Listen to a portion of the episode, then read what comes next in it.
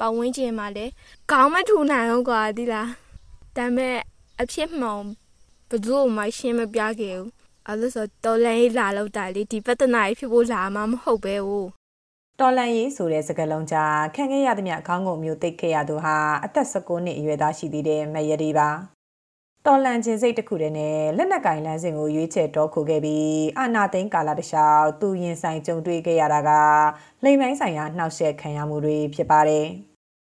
မယရီဟာအာနာသိန်းအစောပိုင်းကာလမှာပဲစစ်တင်နန်းတက်ဖို့မြန်မာနိုင်ငံမြောက်ဘက်ပိုင်းကလွတ်မြောက်နေမြေတစ်ခုကိုရောက်ခဲ့ပါတယ်။တော်လန်ရေးအတွက်စိတ်နှစ်စူးစမ်းနေရင်ကတပ်ဖွဲ့ဝင်အချို့ရဲ့ Messenger platform ကတဆင်လိမ်မိုင်းဆိုင်ရာထိခိုက်စေတဲ့အပြောအဆိုတွေကိုသူကြုံတွေ့ခဲ့ရပါတယ်။စိတ်မလုံခြုံမှုတွေကြောင့်တင်နန်းပြီးချိန်အဲ့ဒီမှာဆက်မနေတော့ပဲတော်လန်ရေးမှာဆက်ပါဝင်နိုင်ဖို့မက်ရဒီဟာ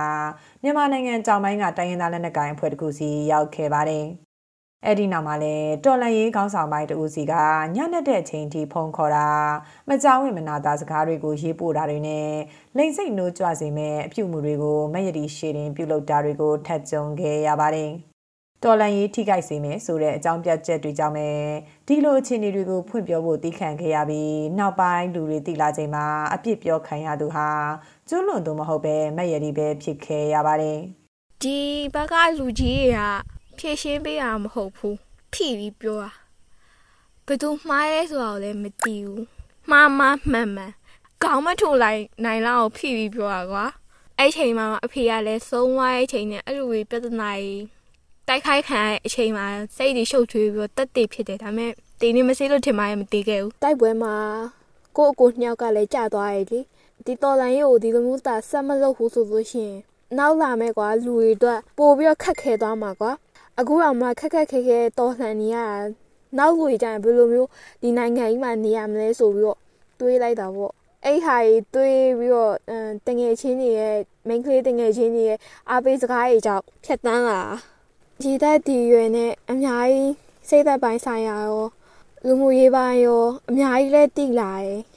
အာနာရှင်ကိုတော်လှန်ရင်းနဲ့ပဲအာနာရှင်ဆန်လာသူတွေကိုတော်လှန်နေရတဲ့မက်ရတီတို့လိုအမျိုးသမီးတွေအများအပြားရှိနေပါတယ်။ နှစ်ရှည်လာများပြည်သူတွေကိုဖိနှိပ်ပြီးအမျိုးသမီးတွေကိုလိန်စိတ်ကျူးလွန်ဖို့သာသဘောထားခဲ့ကြတဲ့နိုင်ငံစစ်တပ်မှလည်းအမျိုးသမီးတွေကိုကာကွယ်စောင့်ရှောက်ဖို့ခေတ်အဆက်ဆက်ဥပဒေပြဋ္ဌာန်းချက်မရှိခဲ့ဘူးလို့ CDM စစ်သားအချို့ကဆိုပါတယ်။စစ်သားတွေရဲ့တဦးချင်းကြစ်ဝေခေါင်းစဉ်အောက်မှာအမျိုးသမီးတွေနဲ့ရင်းရင်းနှီးနှီးမနေရဘူးဆိုတဲ့အချက်တစ်ခုသာပါဝင်ခဲ့ပေမဲ့ဒါဟာလည်းစာရွက်ပေါ်မှာပဲအကြုံဝင်နေတာပါ အာနာသိန်းကာလနှစ်နှစ်ကျော်အတွင်းစစ်ကောင်စီလက်အောက်ခံအဖွဲ့အစည်းတွေကအမျိုးသမီးတွေပေါ်လိမ်အကြမ်းဖက်မှု108ကြိမ်ကျူးလွန်ခဲ့တယ်လို့ဂျာကာလာအမျိုးသားညီညွတ်ရေးအစိုးရ NUG ကဇွန်လ19ရက်မှာထုတ်ပြန်ထားပါတယ်။ဒီလိုဥပဒေမဲ့ကျူးလွန်နေတဲ့စစ်တပ်ကိုတွန်းလှန်ဖို့စုဖွဲ့ထားကြတဲ့လက်နက်ကင်အဖွဲ့အစည်းတွေမှာလည်းအမျိုးသမီးတွေပေါ်ဘယ်လိုပြုမှုနေထိုင်ရမယ်ဆိုတာနဲ့ပတ်သက်ပြီးတိကျတဲ့မူဝါဒတွေမရှိဘူးလို့ရဲဘော်အချို့ကဆိုကြပါတယ်။ ဒါကြောင့်စစ်တပ်လိုအဖွဲ့အစည်းမဖြစ်လာအောင်အဖြစ်ပေးအရေးယူမှုတွေလိုအပ်နေပြီလို့88အရေးခင်တော့ကတောခိုမှုတဲ့အမျိုးသမီးလည်းဖြစ်သူလိန်ကျန်းဖတ်မှုနဲ့ပတ်သက်ပြီးအသိပညာပေးလုပ်ငန်းတွေလှုပ်ဆောင်နေတဲ့ဆီယာမနုနုထက်ဆန်ကဆိုပါတယ်ဟို sexual harassment ဆိုကြည့်လို့ရှင်တော့လေဟိုလူရက်တာတသေးလေးပါလို့ထင်ပေမဲ့အဲ့အဲ့ဒီရဲ့သဘောကဘာလဲဆိုတော်လိုင်းထဲမှာ sexual harassment ဖြစ်ရင်တော်လိုင်းကိုနှောက်နှေးစေတယ်ဆိုတာလူအင်အားကုန်တာပေါ့ တကယ်တော့လူအင်အားလိုတာလေအဓိကတော့စီမင်းစီကံပဲအဲ့ဒါကလူခွင့်ချိုးဖောက်တာဆိုကိုမချိုးဖောက်ရင်ဒီအပြစ်ဆိုတာမရဘူးကိုချိုးဖောက်အပြစ်ဆိုတာထိုက်တန်တဲ့အပြစ်ပေးရမှာပဲနေရာဒေသကျဉ်ကျက်တာကိုကျဉ်ကျက်တော့လုံနိုင်တဲ့အလုပ်နဲ့ဒဏ်ပေးတဲ့စနစ်သူအပြစ်ပေးစနစ်တွေတော့လုပ်ထားမှာပေါ့ဘယ်လိုဆိုရင်ဘယ်လိုအပြစ်ပေးမယ်ဆိုရင်ဒါတပြေးနဲ့တန့်သွားလိုက်တယ်အဲ့လိုတော့ရှိဖို့လိုတယ်လို့ထင်တယ် အမျိုးသမီးတွေပေါ်လိန်ကျန်းဖတ်မှုတွေဟာစစ်ရေးပဋိပက္ခတွေပြင်းထန်တဲ့စကိုင်းတိုင်းမကွေးတိုင်းနဲ့ကရင်ပြည်နယ်တွေမှာပုံမဖြစ်ပွားနေတယ်လို့လေ့လာစောင့်ကြည့်သူတွေစီကသိရပါတယ်။အမျိုးသမီးများအဖွဲ့ချုပ်မြန်မာနိုင်ငံ WLB အဖွဲ့အစည်းကတော့လင်ကျန်းဖက်ကျိုးလွန်နေသူတွေတဲ့စစ်တပ်လက်အောက်ခံအဖွဲ့ဝင်တွေအပြင်ပြည်သူ့ကာကွယ်ရေးတပ်ဖွဲ့ဝင်တွေတော်လှန်ရေးတွင်ဩစာအာဏာရှိသူတွေပါပါဝင်နေတယ်လို့ဇွန်လ22ရက်မှာထုတ်ပြန်ထားပါတယ်။ NUG အမျိုးသမီးလူငယ်နဲ့ကလေးတငယ်ရေးရာဝန်ကြီးဒေါ်ဆူဇန်နာလလဆိုကလည်းလက်နက်ကင်ဖွဲ့စည်းတွေစီကနေလိမ်မိုင်းဆိုင်ရာကျွလွန်ကြောင်းတိုင်ကြားစာ73ဆောင်ရရှိထားပြီးအဲ့ဒီအမှုတွေကိုစုံစမ်းနေဆဲဖြစ်တယ်လို့ RFA သတင်းဌာနကိုဖြေဆိုထားပါတယ်။ လက်ရှိအာဏာသိမ်းကာလအတွင်းဥပဒေစိုးမိုးမှုမရှိချိန်မှာအမျိုးသမီးတွေအတွက်သူတို့ကြုံတွေ့ခဲ့ရတဲ့လိမ်မိုင်းဆိုင်ရာနှောက်ယှက်ခံရမှုတွေကိုတိုင်ကြားပြီးအရေးယူပေးနိုင်တဲ့ကိုစားပြုရန်ရာဟာလည်းမရှိနေပါဘူး။ကြအပြင်ကြော်လန်ရေးကာလအတွင်းအမျိုးသမီးကိုစားပြုခေါင်းဆောင်တွေမရှိသလိုထိခိုက်နစ်နာမှုတွေအတွက်ထုတ်ဖော်ပြောဆိုခွင့်တွေဟာလည်းကြော်လန်ရေးအကြောင်းပြနောက်ကောက်ကြကြံနေရစေပါ ဒါကြောင့်အာနာရှင်ကိုတော်လှန်နေတဲ့အဖွဲ့အစည်းတွေအနေနဲ့အမျိုးသမီးတွေရဲ့လိမ်မိုင်းဆိုင်ရာထိခိုက်မှုတွေနဲ့ပတ်သက်ပြီးကျူးလွန်သူတွေကိုအရေးယူနိုင်ဖို့တာဝန်ခံနိုင်တဲ့အဖွဲ့တွေဖြစ်တဲ့လို့ပြောလာသူကကော်ဗရာတပ်ဖွဲ့ဝင် အမျိုးသားတူပါအမျိုးသမီးကဏ္ဍနဲ့ပတ်သက်ပြီးတော့ဘာကိုမှဘာကိုမှဆိုမှတကယ်လုံးဝဗျာတင်ကြားပေးတာမရှိဘူးဗျာကျင့်ဝတ်မလိုက်နာနိုင်တဲ့ဒီတိုင်းရိုးရိုးလက်နက်ကင်ဆိုလို့ရှိရင်အဲအဖွဲ့ကြီးရင် တပုံဖြစ်သွားမယ်အဖွဲ့သိရင်တ냐ဖြစ်သွားမယ်ဒါပဲဖြစ်မှာအဲ့တော့ဒီ local အဖွဲ့တွေပဲဖြစ်ဖြစ်ပေါ့နော်သူ့အဖွဲ့လိုက်မှာရှိတဲ့ခေါင်းဆောင်တွေကိုယ်တိုင်ကလည်းတာဝန်ယူရမယ်တာဝန်ခံရမယ်နောက်ပြီးတော့အဲ့တဲ့ထက်ဆင်ပြီးတော့မှဒီသက်ဆိုင်ရာဆိုရအဖွဲ့အစည်းကလည်းဒီအပေါ်ကိုတာဝန်ယူရမယ်တာဝန်ခံရမယ်ဒီအခွင့်အရေးတွေဒီဟာတွေကိုသူတို့မလေးစားဘူးမလိုက်နာဘူးဆိုလို့ရှိရင်အဲသူတို့ရဲ့ ဖြစ်တည်မှုရော သူတို့ရဲ့ရည်တည်ချက်ရောဒါပြန်ပြီးမေးခွန်းထုတ်ရမယ့်ကိစ္စဖြစ်သွားပြီ ဒီအဖွဲ့အစည်းတက်မှာ ကျူးလွန်ခံတယ်ဒီအဖွဲ့အစည်းက မဖြစ်ရှင်းပေးဘူးဆိုလို့ရှိရင် သူ့ထက်ကြီးတဲ့နေရာကို ကျွန်တော်တို့ ဘယ်လိုထပ်ပြီးတိုင်ကြားနိုင်မလဲ ဘယ်လိုထပ်ပြီးတော့ အကြောင်းကြားနိုင်မလဲဆိုတာမျိုးကိုအအစိုးရဘက်ကနေပြီးတော့ လမ်းဖွင့်ပေးထားတင်တယ်လို့ ကျွန်တော်မြင်တယ်ခင်ဗျ သူတို့ဘယ်လိုလမ်းဖွင့်ပေးထားလဲဆိုတာကို ဒီပြည်သူတွေအထိ ထိထိရောက်တည်အောင် သူတို့လုပ်ပေးနိုင်ဖို့လိုတယ်လို့ ကျွန်တော်မြင်တယ်ခင်ဗျကြားမ လူမှုစံနှုန်းပြောင်းလဲရေးမှာ နိုင်ငံကိုဥဆောင်တဲ့အစိုးရဟာ အရေးပါတဲ့ အခမ်းကဏ္ဍမှာ ရှိနေပါတယ်။ ဒါကြောင့်လက်ရှိຫນွေဦးတော်လှန်ရေးမှာလည်းအမျိုးသမီးအခွင့်အရေးအတွက်အမျိုးသမီးဥဆောင်တဲ့အဖွဲ့အစည်းတွေများများပေါ်ထွက်လာဖို့လိုတယ်လို့တက်ကြွလှုပ်ရှားသူတွေကသုံးသပ်ကြပါတယ်။လက်ရှိမှာတော့ခေါင်းဆောင်ပိုင်းနေရာတွေမှာအမျိုးသမီးပါဝင်မှုက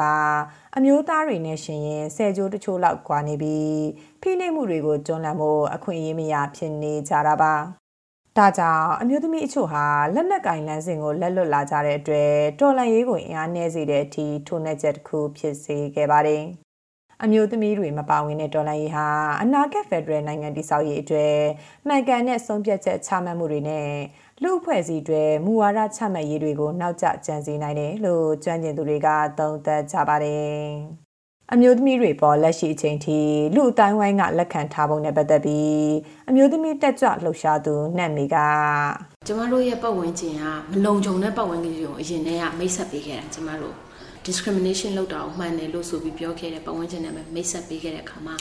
အမျိုးသမီးတွေပေါ်မှာလည်းအဲ့ဒီဥစ္စာကအကျိုးသက်ရောက်မှုအများကြီးဖြစ်တယ်။ဘာလို့ဆိုအမျိုးသမီးကနိုင်ငံရဲ့အခြေအနေရအောင် policy ရဲ့အခြေအနေရအောင်တကယ် decision maker ဘိုင်းမှာအမျိုးသမီးတွေနဲတယ်ပေါ့နော်ဆိုတော့ အမျိုးသမီးအဲ့ဒီ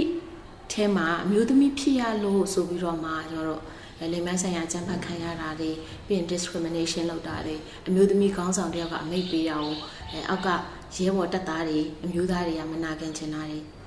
အများကြီးပဲကျွန်တော်တို့ကဟဲ့ဘာဖြစ်လို့လဲလို့ဟိုဆန်းစစ်လိုက်တိုင်းမှာအမျိုးသမီးဖြစ်နေလို့ဆိုတဲ့အဖြေတွေကတော်တော်များများထွက်တယ်ပေါ့နော်ဆိုတော့ဒီဒီအမျိုးသမီးတွေ struggle လုပ်ရတဲ့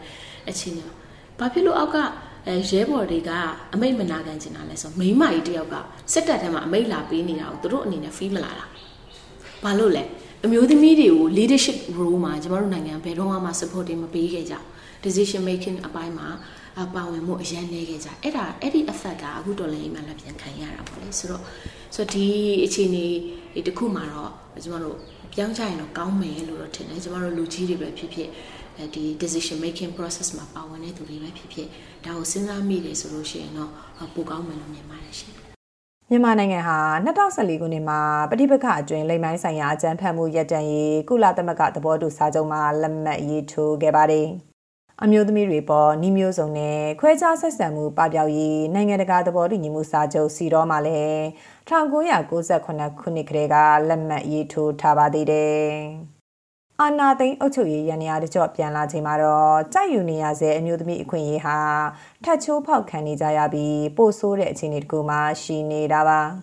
ထိခိုက်မှုတွေကိုထုတ်ဖော်ပြောဖို့ခက်ခဲနေချိန်မှာပဲတခြားသူတွေထပ်မနစ်နာစေဖို့ဆိုတဲ့အကြောင်းပြချက်နဲ့ဖွင့်ပြောလာတဲ့မယတိကတော့နှစ်နှစ်ကျော်လာတဲ့အထိတရားမျှတမှုကိုမရရှိသေးပါဘူး ဒီလိုလိန်အမျက်ထုတ်ခံရမှုတွေကိုရင်ဆိုင်ခဲ့ရတာကြောင့်စိတ်မလုံခြုံမှုတွေကြားမှာရုန်းကန်ရင်တော်လန်ရေးအတွက်ရှေ့ဆက်နေရတဲ့မက်ရဒီရဲ့အလိုချင်ဆုံးဆန္ဒကတော့တကယ်တော့တော်လည်းရေးမှာလိန်အမျက်ထုတ်တယ်ဆိုတာလုံးဝမရှိသင့်တဲ့အရာအဲ့ဒါကိုဘယ်လိုပြောရမလဲဘယ်လိုလူတွေကိုခေါင်းဆောင်တင်မြှောက်ပြီးတော့ဘယ်လိုတွေလုံလုံနေလဲဆိုတာကိုယ်တိုင်ခံရတော့ကွာကိုယ်တိုင်ပဲတည်တာခေါင်းဆောင်ဝိုင်းကအဲ့လိုဖြစ်နေတော့နောက်လက်အောက်ငယ်သားကြီးကဘယ်လိုမျိုးစိတ်သက်တွေနဲ့ ဒီမှာထပ်ပြီးတော့စက်တော်လှန်ရအောင်ပါတော့အဲ့အကြောင်းကွာတော်လန်ကြီးကိုတော်လန်ကြီးနဲ့သူစီခြင်းတယ်တော်လန်ရေးဆိုလို့ရှိရင်တော်လန်ရေးကိုဒီဇိုင်းမမလုပ်ဖို့ကွာသူကအဲ့လိန်ပိုင်းဆိုင်ရာကြီးငွေကြေးပိုင်းဆိုင်ရာကြီးကဘယ်လိုပြောမလဲစိတ်ပြက်စရာကြီးတွေကွာဘယ်လိုမှလက်ခံလို့မရဘူးဘယ်လိုမှသဘောသဘောမတူကွာအဲ့တော့ကိုစိတ်သက်လေးကိုကိုယ့်ဘာသာကိုပြင်ဆင်ခြင်းနဲ့ကွာဘယ်သူမှဝိုင်းပြမေးလို့မရတဲ့အရာကိုတော်လန်ရေးမှာအမဲဆက်ထင်သွားမယ်လीနော်